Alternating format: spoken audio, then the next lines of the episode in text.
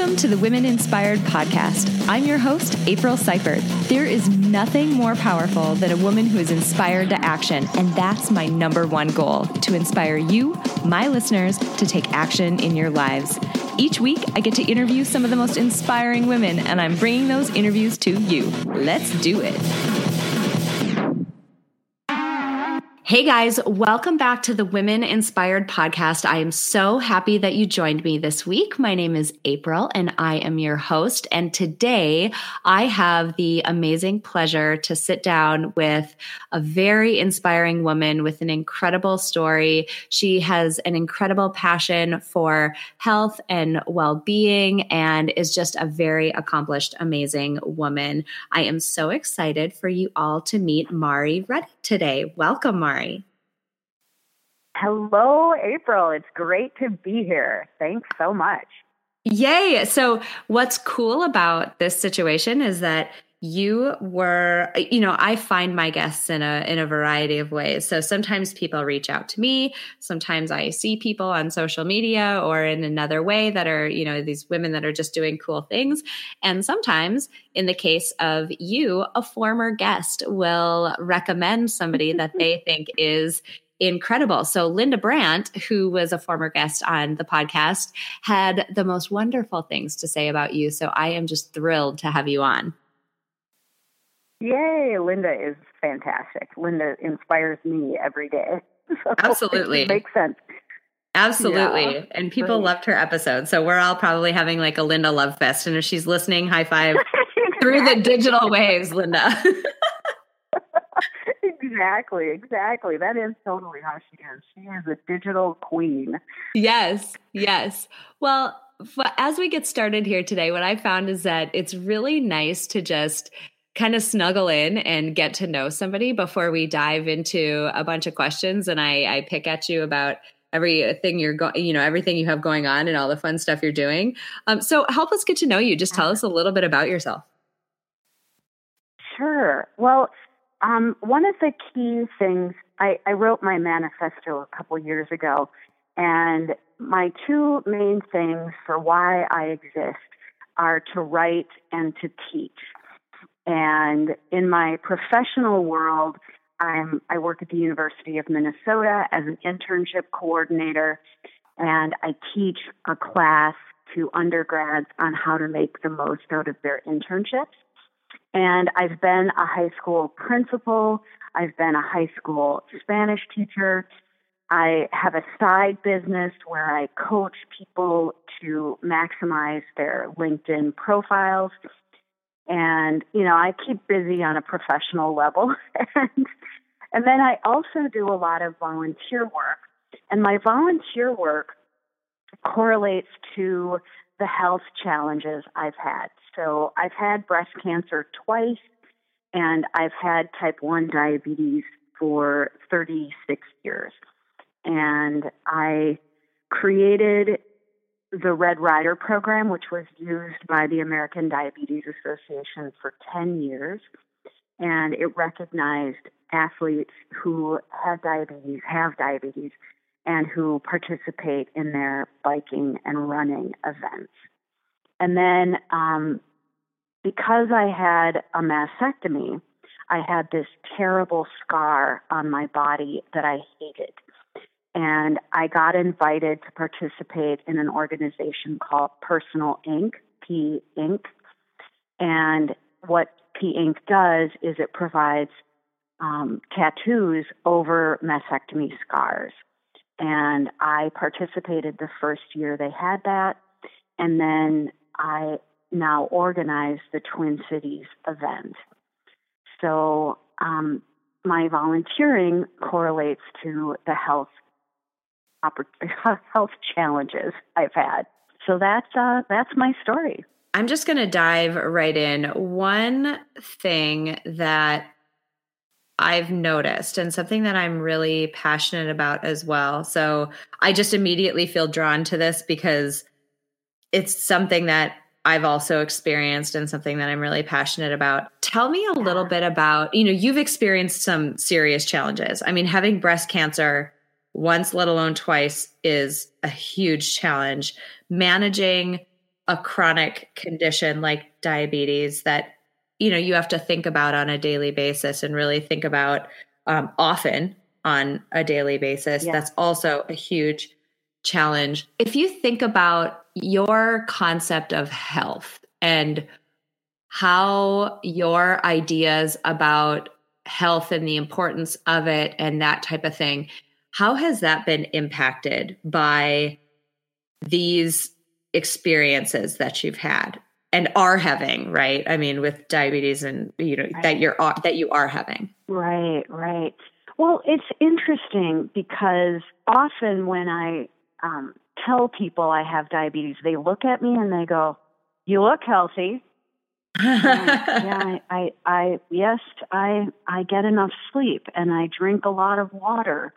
So yeah, I, I, and I exercise. so yes, I do look healthy and I am healthy. So a lot of what I think people perceive is that people who are unhealthy look a certain way, and then yeah. people who are healthy look another way. I mean, one of the the, the things that happens um, with diabetes is that it's considered a hidden disease and that it's not obvious and that you have to, you know, observe more closely. Like I realized that my colleagues at work have never seen me have a low blood sugar. And because I eat super healthy food for lunch when we eat together, they are not aware of how many times in a day I think about my diabetes. And so it's invisible. So the thing like that I think about when people say, Are you healthy? is my response is absolutely yes, because how one approaches their health is within every single person's control. Ah. And yeah, and it's a lot of it has to do with your mindset. I mean, the minute a person starts to think of themselves as unwell, that takes over.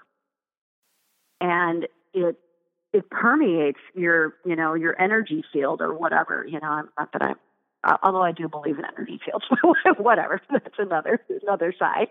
Um, that it's it's like how you think about yourself and what actions you prioritize in your life or a person prioritizes in their life will determine the degree of health you have. I mean, one of my favorite um, people is Kris Carr, and she wrote or she made a movie called Crazy Sexy Cancer, and she her story is incredible, and she's has stage four a stage four rare cancer, and 28 tumors between her neck and the top of her legs that are inoperable.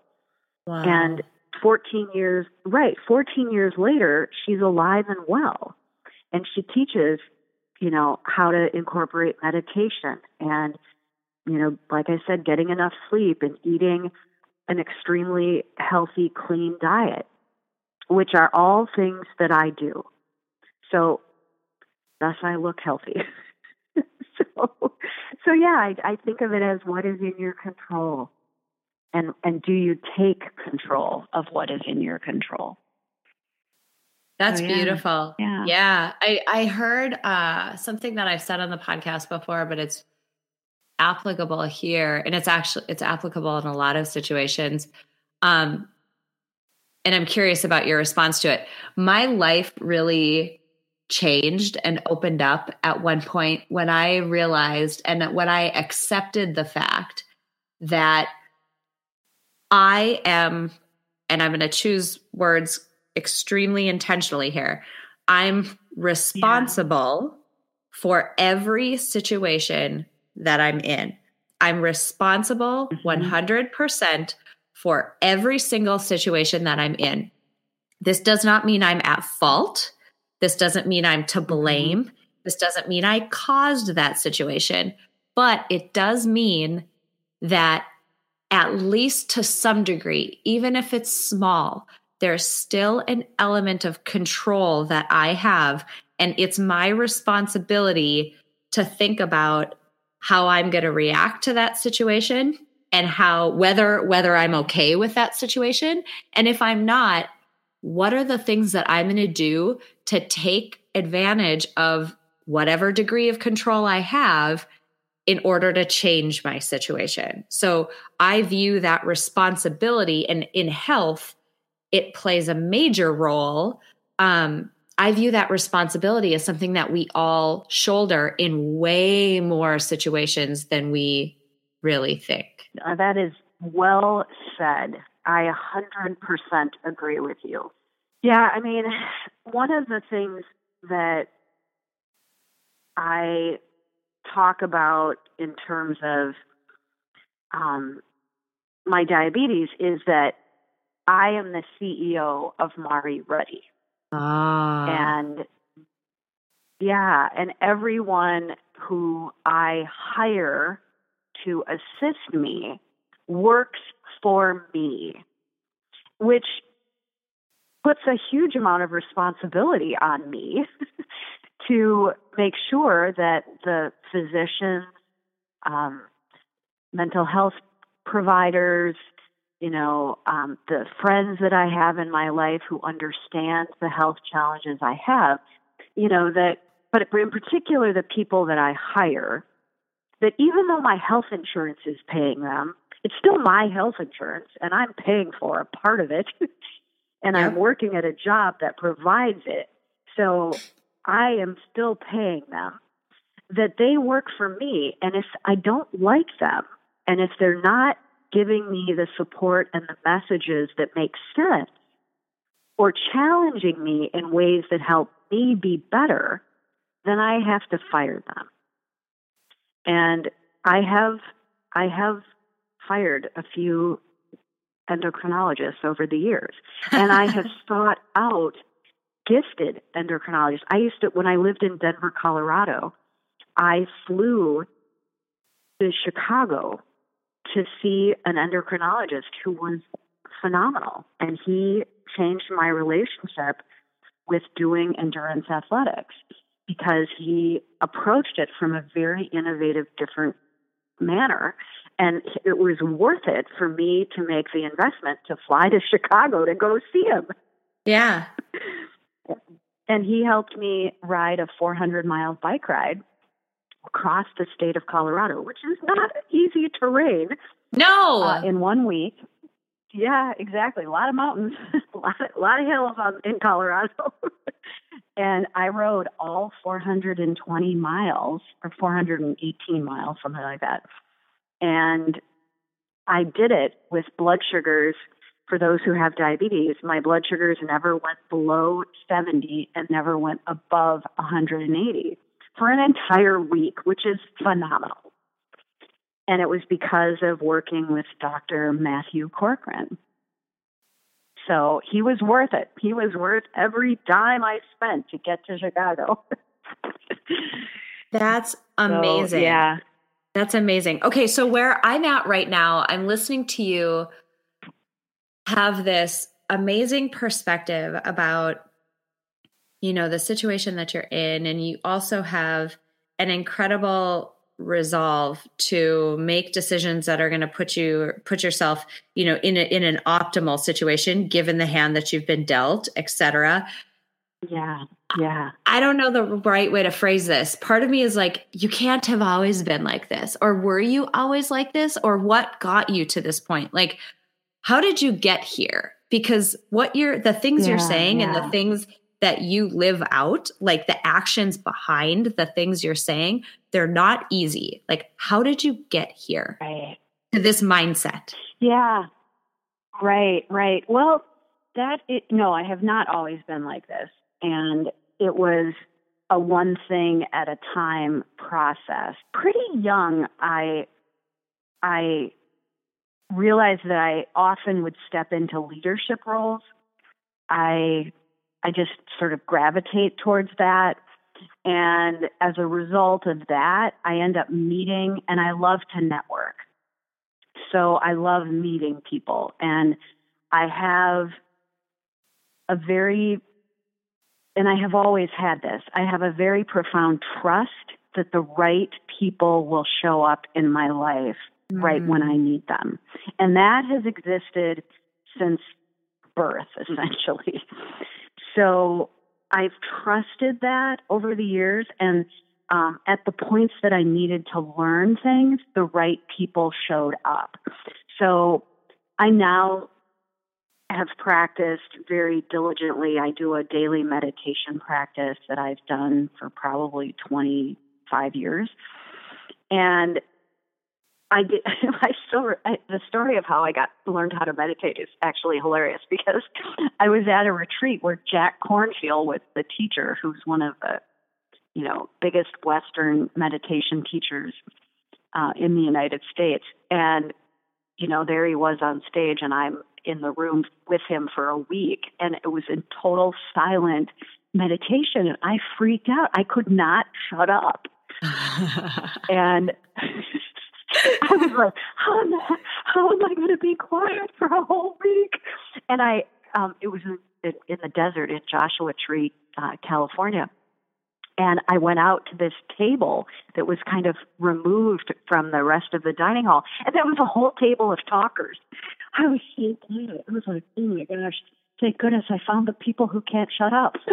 and so, so it was a very slow process to learn how to sit with my own thoughts and my yeah. own emotions and be with them and and slowly I learned and then when I got cancer one of the things that uh, you have to do is go through all of these horrible freaking tests yeah. to see if the cancer had spread and you know to see what the stage of where you were at and one of my Buddhist teachers said to me, which was like, what? Um, be with the pain, be with what's happening. Don't fight it, allow it. And because I had been studying with Jack Kornfield and, and other meditation teachers, I, I, I intellectually understood what that meant, but I didn't practically get it. So as I would go through these horrific tests, I mean, you're like being scanned by these gigantic machines, I would practice Vipassana meditation. And it was like, be with what is. And so it was an incredibly profound teacher uh, to be in these machines and be like, all right, I'm not going to fight it. I'm going to allow it. I'm going to feel everything. I'm going to notice how scared I am. I'm going to notice how I'm afraid this machine is going to collapse on me. I'm going to notice all of this anxiety and fear that I have, and I'm going to breathe into it, not resist it. And so, you know, it's like just trusting that all of the right things will happen. And even when they're incredibly horrible, they, they are the right things. So you know, little by little by little, um, I learned. And, and I had um, met Kris Carr at a book signing when I, uh, during the time that I was diagnosed with cancer the first time. That when I got the second diagnosis, I went immediately to her resources.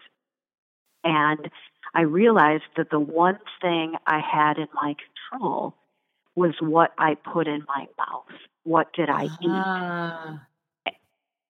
And I had not changed my diet um, from the first to the second cancer diagnosis. And one of the things that Kris talks extensively about is being vegan and essentially being gluten free. So, eight years ago, I gave up all dairy products, all gluten, and I stopped eating meat. And I instantly, like within a few uh, weeks, felt exponentially better than I'd felt in the previous 10 years.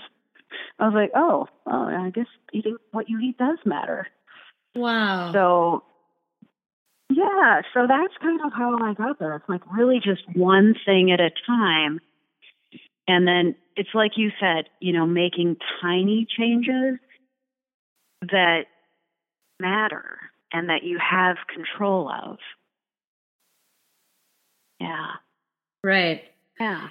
Eh, you've, well, and you've done something with your experience, something that always impresses me about people is when they go through an experience and maybe they they see a problem in the world or they've had a really difficult experience themselves things can go down a negative path at that point i mean that person mm-hmm. Eh, eh, best case scenario on the negative paths that person maybe just shuts down and just sort of grumbles about the situation or the problem or the issues that they've gone through you know and and remains static worse than that is when there's sort of some projection onto other people like man i've gone through right. this difficult yeah. situation and damn it you're going to go through this hard situation too almost like you know this this initiation into this new world of garbage like everybody else has to feel it too because i did um you went right. a different direction and you went this direction that i i've actually talked with linda brandt about this quite a bit about and i don't know how to describe it and the best way i've come to describe yeah. it is you've taken on the role of almost a coach like you're paving right, the way right. for people who are coming after you and you are trying to smooth it out as much as you can like how much friction can i remove for the people who are coming after me. So i you know i think about you mentioned the red rider program and you know setting up this program for people with diabetes and then running this you know these events in minneapolis for personal ink for people who have mastectomy scars. Like you can't change the fact that people have been diagnosed with those conditions but right. you're smoothing them out as much as you can for the people who come after you. Like where does that i don't i don't know what the right word is where does that motivation responsibility that inclination to do that where does that come from yeah that's a that's a great question um, and there's a few there's a few sort of somewhat uh, typical answers. One is that I'm the oldest child. so, you know, uh, smoothing the way is what oldest children do. Yeah. Um, so, so that's that's one motivation. The other motivation. So I'm also. this is a very um, not common thing that most people have never heard of. I'm a trained holotropic breathwork facilitator. And holotropic means moving towards wholeness. And it's a method of, it's a introspective transpersonal psychology um, system of going into your uh, the parts of your being and your brain that are not rational thought. Yeah. It's the um, it's the other parts of your brain. And the man who came up with it, his name is Stanislav Grof, and I trained under him. And I, in order to become a facilitator, you have to go through a lot of sessions. And I did a session where in the there are three hour sessions and in this session i had an experience of casting my zodiac um, planet like where the planets would be when i would be born so it was essentially the realization that i 100% chose this life hmm. and all of the things that would happen including all of the very, very difficult things that I would have to endure, that um, I chose those things. And that in addition to the challenges, I would be given, and I have been given, many gifts. When you've endured many difficult things, that part of what you can then offer is insight and guidance to those who have not yet traveled. And because I have had so many wise teachers coach me that, and I, so I've been coached that I've learned how to then coach and how not to be attached and not project and not try to have someone skip. That you can't actually skip and you can't uh, do it for someone. All you can do is, you know, stand at someone's side as they delve into their challenge. So that's part of my gift is to be able to stand by the side of others. So yeah, yeah, you know, and it's in recognition of all of those I have who have stood by me. Yeah. So yeah. Yeah, yeah we don't ever. I mean, the importance of you, you mentioned it a little bit when you were talking about being your own CEO, but the people that we allow to impact, facilitate, influence our lives, they play such a big role in the experience that we have. And if you're setting yourself up with the best possible group of people around you, it makes all yeah. the difference in the world. It really does. It really, really does. I mean, I'm also involved with the local Lean In community, and it was in January of 2015 that I set my goal for the year was to make more local friends. And again, just trusting and expecting miracles to happen. Um, a few, like a week after the turn of the year that year, I saw um, an Eventbrite posting for Lean In at Linda Brandt's house. and so I just showed up. Nice. She lives three blocks from me. Three blocks. Like I walked to the meeting. and yeah, it was perfect. And that was how I met her. And it, she's become one of my dearest friends. And it's it's like, oh, because you set the intention. I want to make more friends in the Twin Cities who aren't near me. And she was literally three blocks from me. wow. Yeah, it's just perfect. Well, there's something. Oh yeah. You know, you talked about those irrational sides of our our brain, and you know, my background's in psychology, and I I have oh, studied oh, yeah. for a long time these these irrational sides of our brain, and not even like irrational, but pieces that we're not consciously aware of. And you know, the way that you yeah. said that, when we set a goal, like when we physically write it down, so like your hand has moved to write that goal down. You can physically see it. You can hold that piece of paper or that journal or wherever you've written it, post it note, great, napkin, whatever, wherever you've written it. Yeah. You know, your your brain is good at looking for things. Like it's good at finding yeah. a target. And so I've used this example before, but right. like when you go to the zoo, you know you're you're sitting in front of like this big habitat there's like vines and trees and leaves and stuff all over the place and there's like an animal in there. And eh, they never have right. a name that you've heard of. It's never like bear or snake. It's always some like crazy thing you've never heard of and you have no idea what you're looking for. But they always put a picture of what it is yeah. on the little placard. That's because we're not good at finding things that we don't know what we're looking for. We're really good at finding things that like looking for something that has been made concrete for us. So when we write a goal down, when it's concrete, when you can hold it and touch it and you see it day to day, your brain, and this is like the reptile side, like this is the side you have no control over. Yes, yes, that thing yes. the gear and it's like, I'm going to find it. And that's where those beautiful miracles start to come from. You know, you you absolutely can expect that they're going to happen because this is like what your brain is wired to do. You just have to give it a target. Right. You know, just like write some stuff down that you want to do. Like just give it a general direction and it'll go. Right. Yes, exactly. Exactly.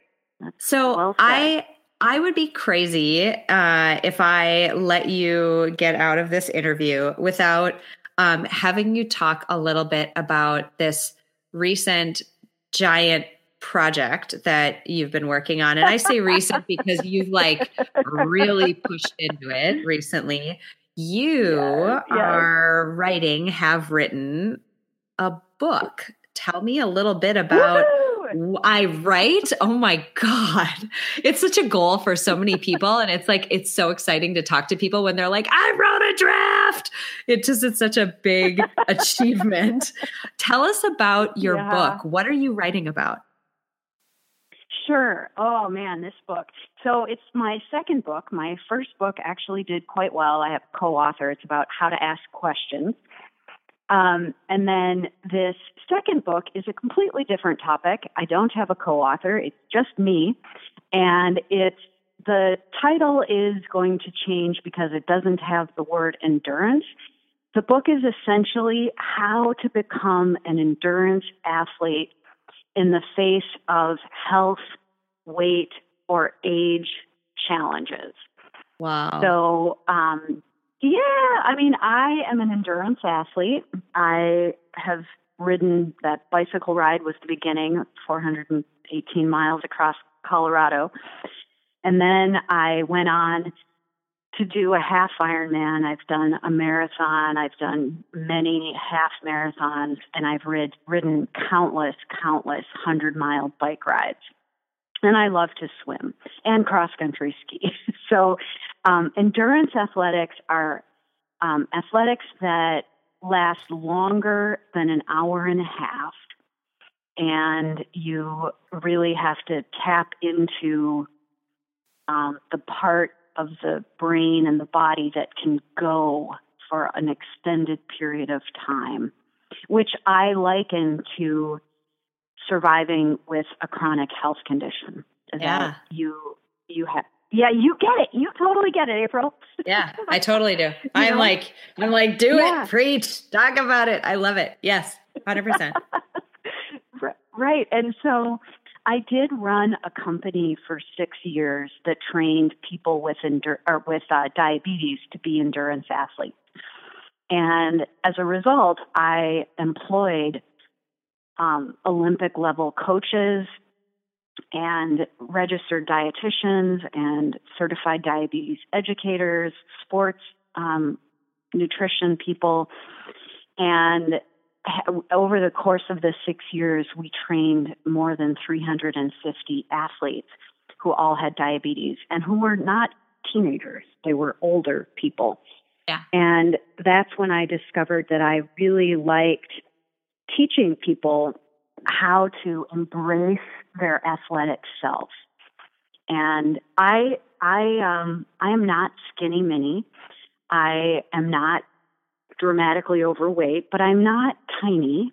And I think that a lot of people, you know, as we age, we have a tendency in this country to gain weight and to not move, which is the exact opposite thing to maintain mental and physical health is really movement makes a huge difference and embracing movement as a lifestyle is has been one of the keys to my health and my well-being.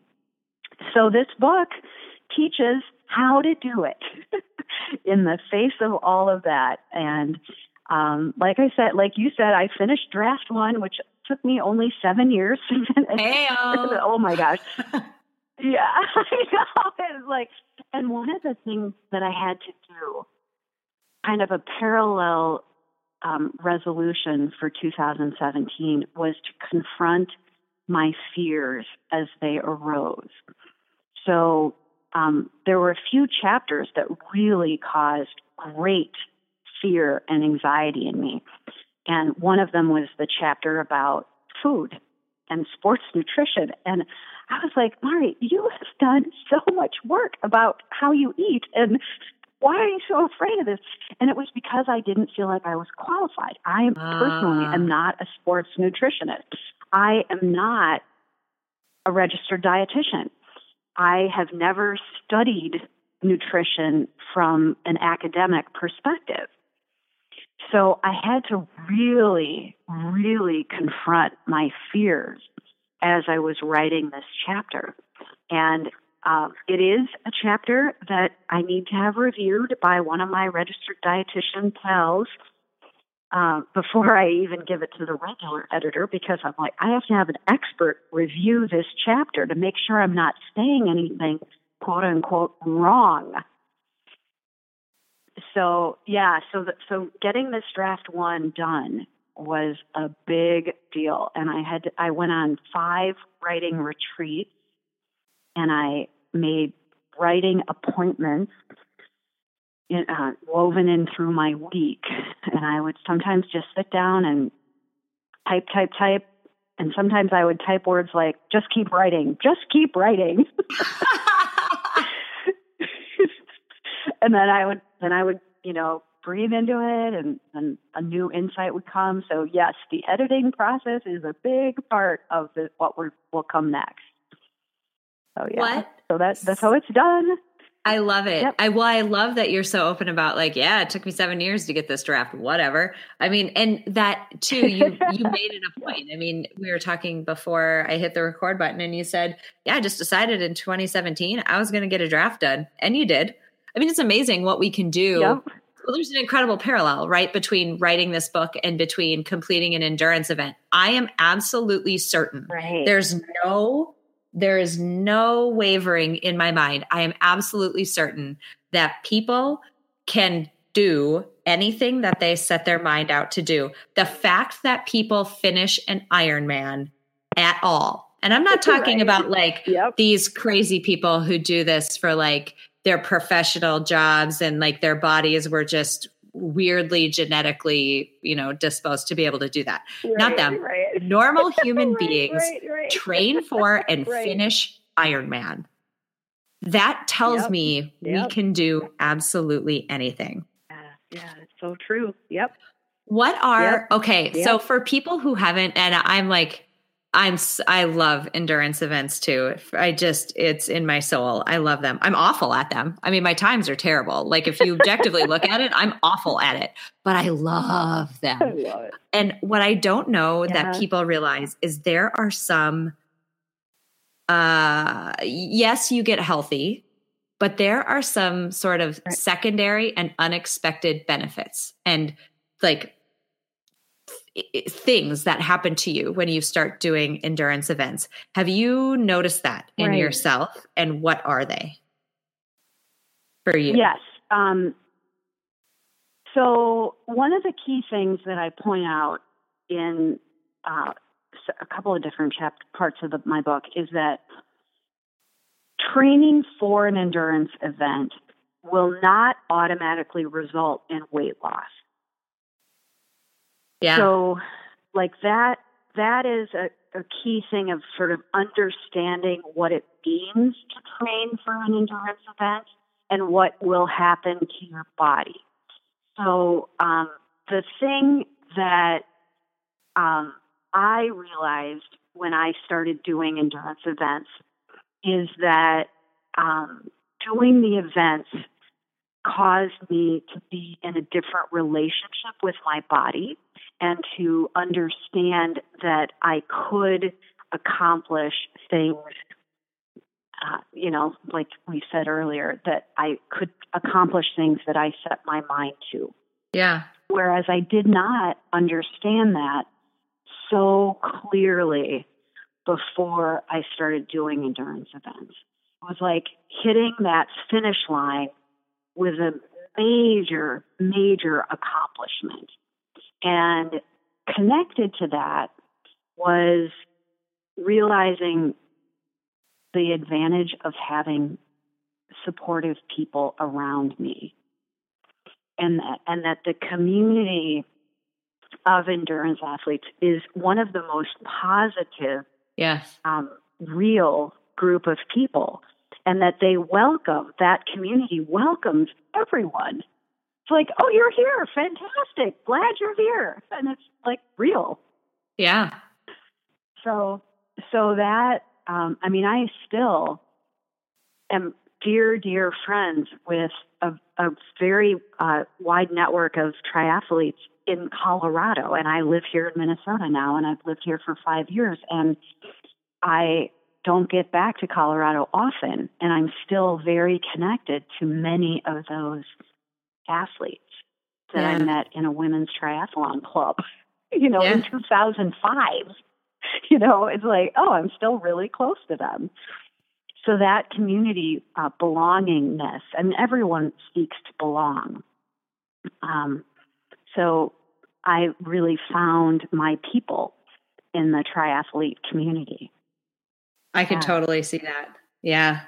A weird yeah. secondary benefit that I noticed too is that, you know, when you're training, um, you know, it's, it's, it doesn't, it's weird to say, but it doesn't get easier because like you're always pushing yeah. the limit, right? Like, so you start out right, right, training for a marathon and you might run three to five miles and that might be challenging. Yes, eventually that three to five miles maybe feels easier, but that means you're on to the next like you're running seven and then you're running 10 and then you're running 12 and then you're half marathon and then you're running more so like it's always hard and what happens what happened to my brain is i learned coping mechanisms and motivational yes. mechanisms yes.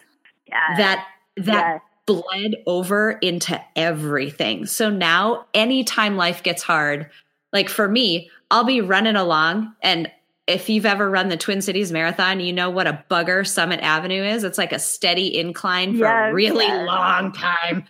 Like, God, it's just a bugger. Yep. And it's right at like it's toward the end and you're hitting the wall anyway, and it's just a bugger. And I kept telling myself, you only have to run to that tree and you never have to run past that tree again. If you don't ever want to, you never have to do it again. Just get to that house and you don't ever have to run by that house again. Just get to that intersection. You never have to run past that again. Just get there in like tiny little goals. Yeah. 100% how I cope with everything now. 100% of everything. I cope with that. yep. Yep.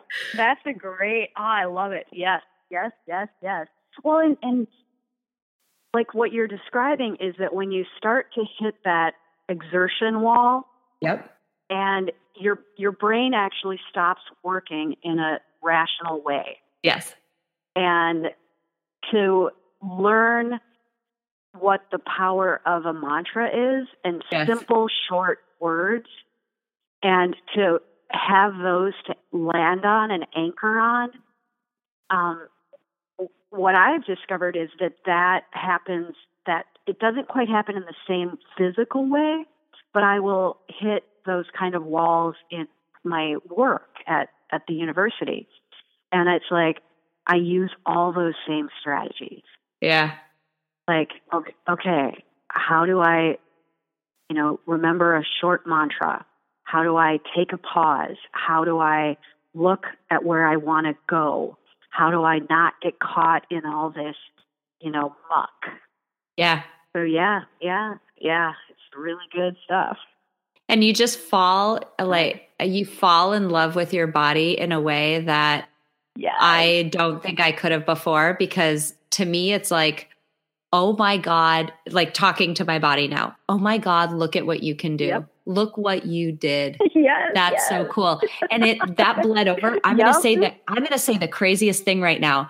And I'm about to do it again because so I'm one of yep. those crazy people who when I had my first baby, I loved labor. I loved it. It felt like yeah, yeah, yeah. it felt like the coolest endurance event I've ever done with the best finish yes. line you've ever experienced. and like, if there's anything, I'm dead serious. Like that day, five minutes after I gave birth, I was like, that was awesome. And it's because it sounds so crazy. And I'm sure like people listening to this are probably like, that woman's nuts. Um, but it's because of these endurance events before I yes, fell in yes, love yes, with what I could do. And I went into that like a stinking beast. And I'm I'm ready to yeah, do it again. Yeah. July, I'll be back in that same situation again. And I'm like, wow. I'm chomping at the bit, excited to get to do it again in the same way that you go into race day, like chomping at the yep. bit to go yes, put yourself yes, through that. Yes. I don't even know. Like your brain yep. breaks in these weird ways, but you can just handle so much more. It's so cool. It's totally, that is a great story. I love it. I I approached my mastectomy as I approached an an A an A race uh, event. So yes, I get it. I was like, all right, I'm going to approach this surgery like I approach a big race. Yeah. Yeah. I, I mean, I'm I'm training for it. for it. I am training for it. Like yes, yes, I, yes, I'm, totally, yes. I'm lifting the mindset, the cardio, the all of it. I'm like, I'm about to do like shoot, how long did it take me to run a marathon? Handful of hours.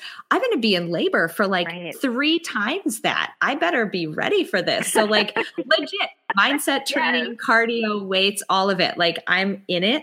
Now it's yep. weird training because yes. you train in a different way, but like, yeah, it's funny. Yeah, yeah. It is so bizarre what that what that experience does for you. So those of you out there who are on the fence about doing an endurance event, like let us convince you your life will change and you absolutely can do it. Like, dude, if I can run a marathon and I am bad at it, I am bad at it. If I can do it, anybody can. yep. Exactly. Exactly. Really anyone can. Yes. And that and part of it is also finding the right endurance event. Yep. You know, not all events are created equal. So yep. a part of the process is what sport makes the most sense. Yeah. For for the particular person. Yeah. Yeah. Woohoo.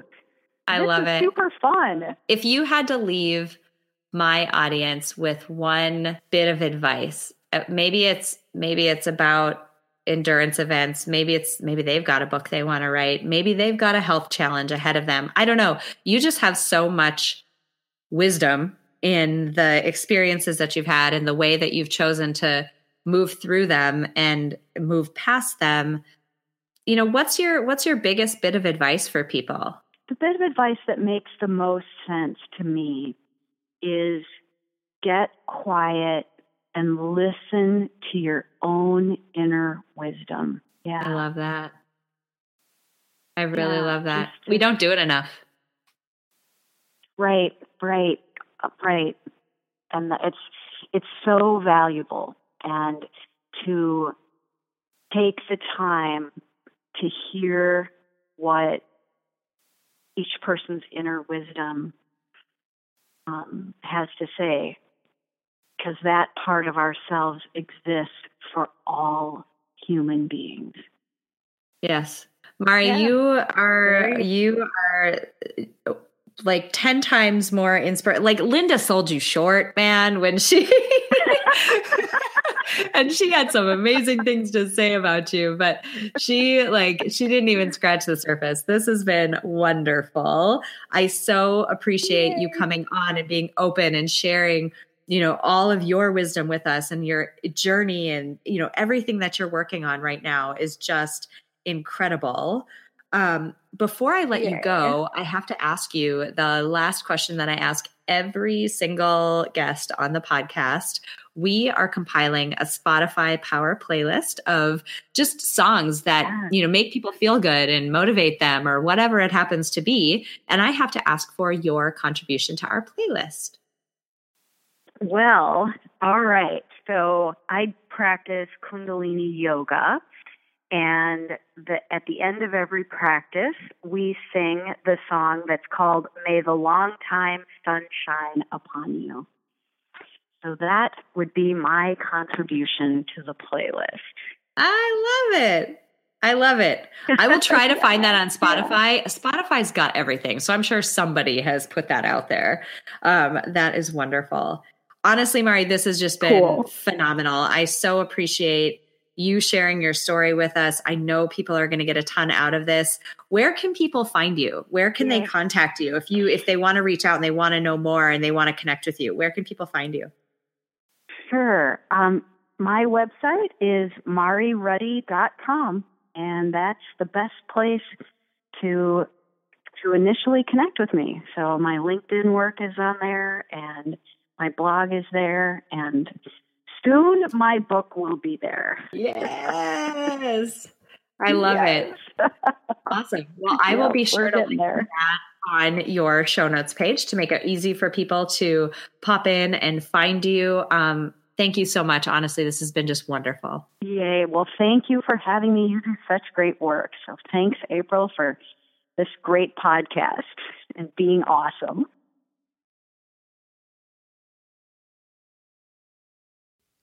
All right, you guys, if there is one thing that I can say to recap this episode with Mari Ruddy, it is this mindset, mindset, mindset.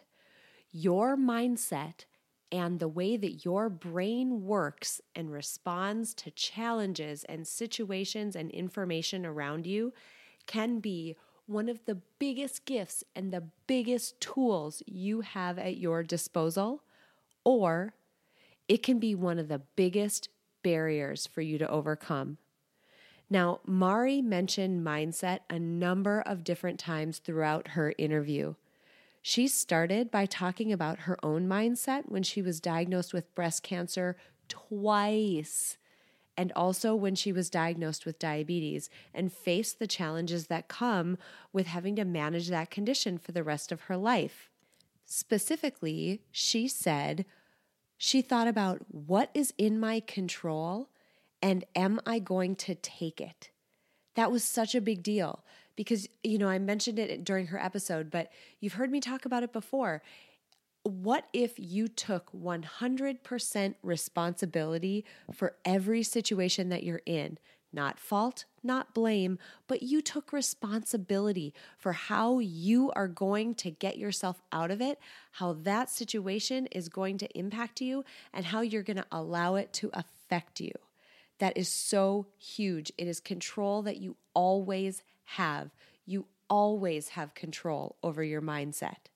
I also loved, loved the fact that she thinks about herself as the CEO of her own self, which means that you know the people that she's bringing into her life whether it's you know she mentioned people like physicians and um, you know therapists and mental health professionals and people like that you know she mentioned that she looks at them like they are people that she's hiring. But we basically make that choice for everyone that we spend time with in our life. And so we can make those intentional choices about who we are going to spend time with if we start operating like a CEO in our lives. And so, you know, bottom line, she's had to fire people. Sometimes you just have to do it.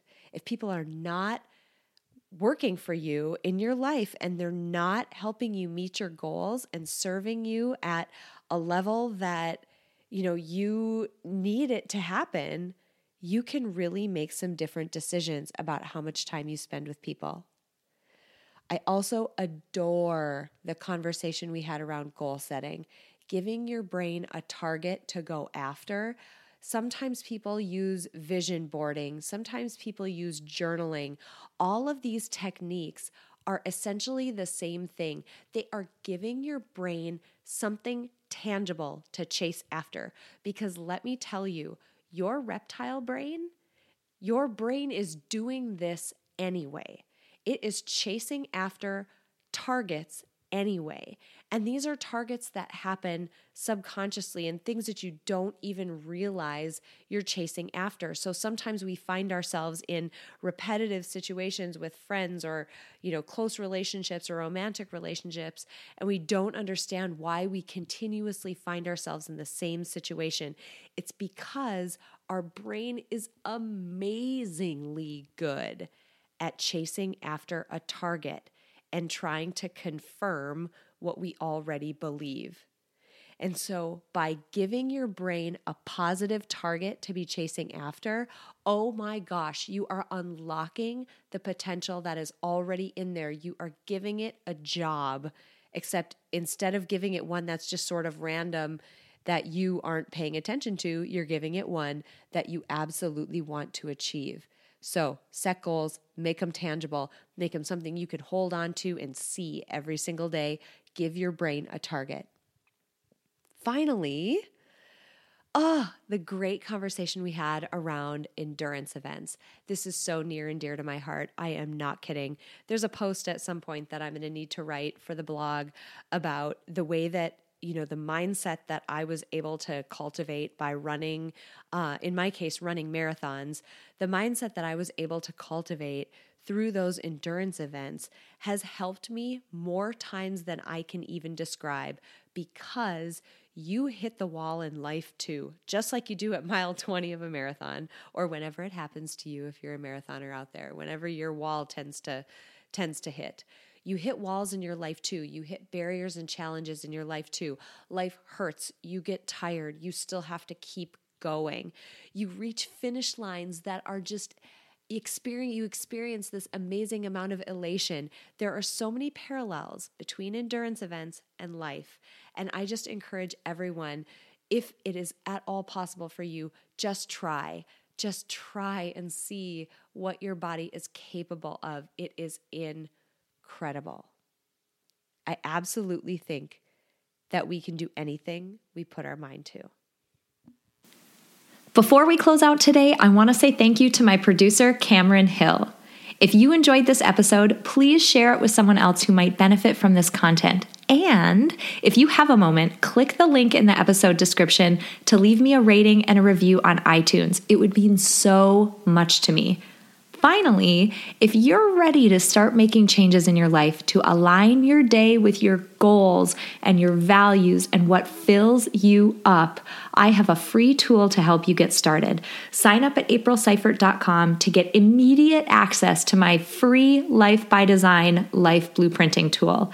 I designed this tool using theory from the fields of psychology and design thinking, and it will absolutely help you get clear on the areas of your life that are serving you and those that aren't. Clarity is a critical first step before you can design your own best life. Thank you so much for joining me this week. Until next time, have an inspiring week.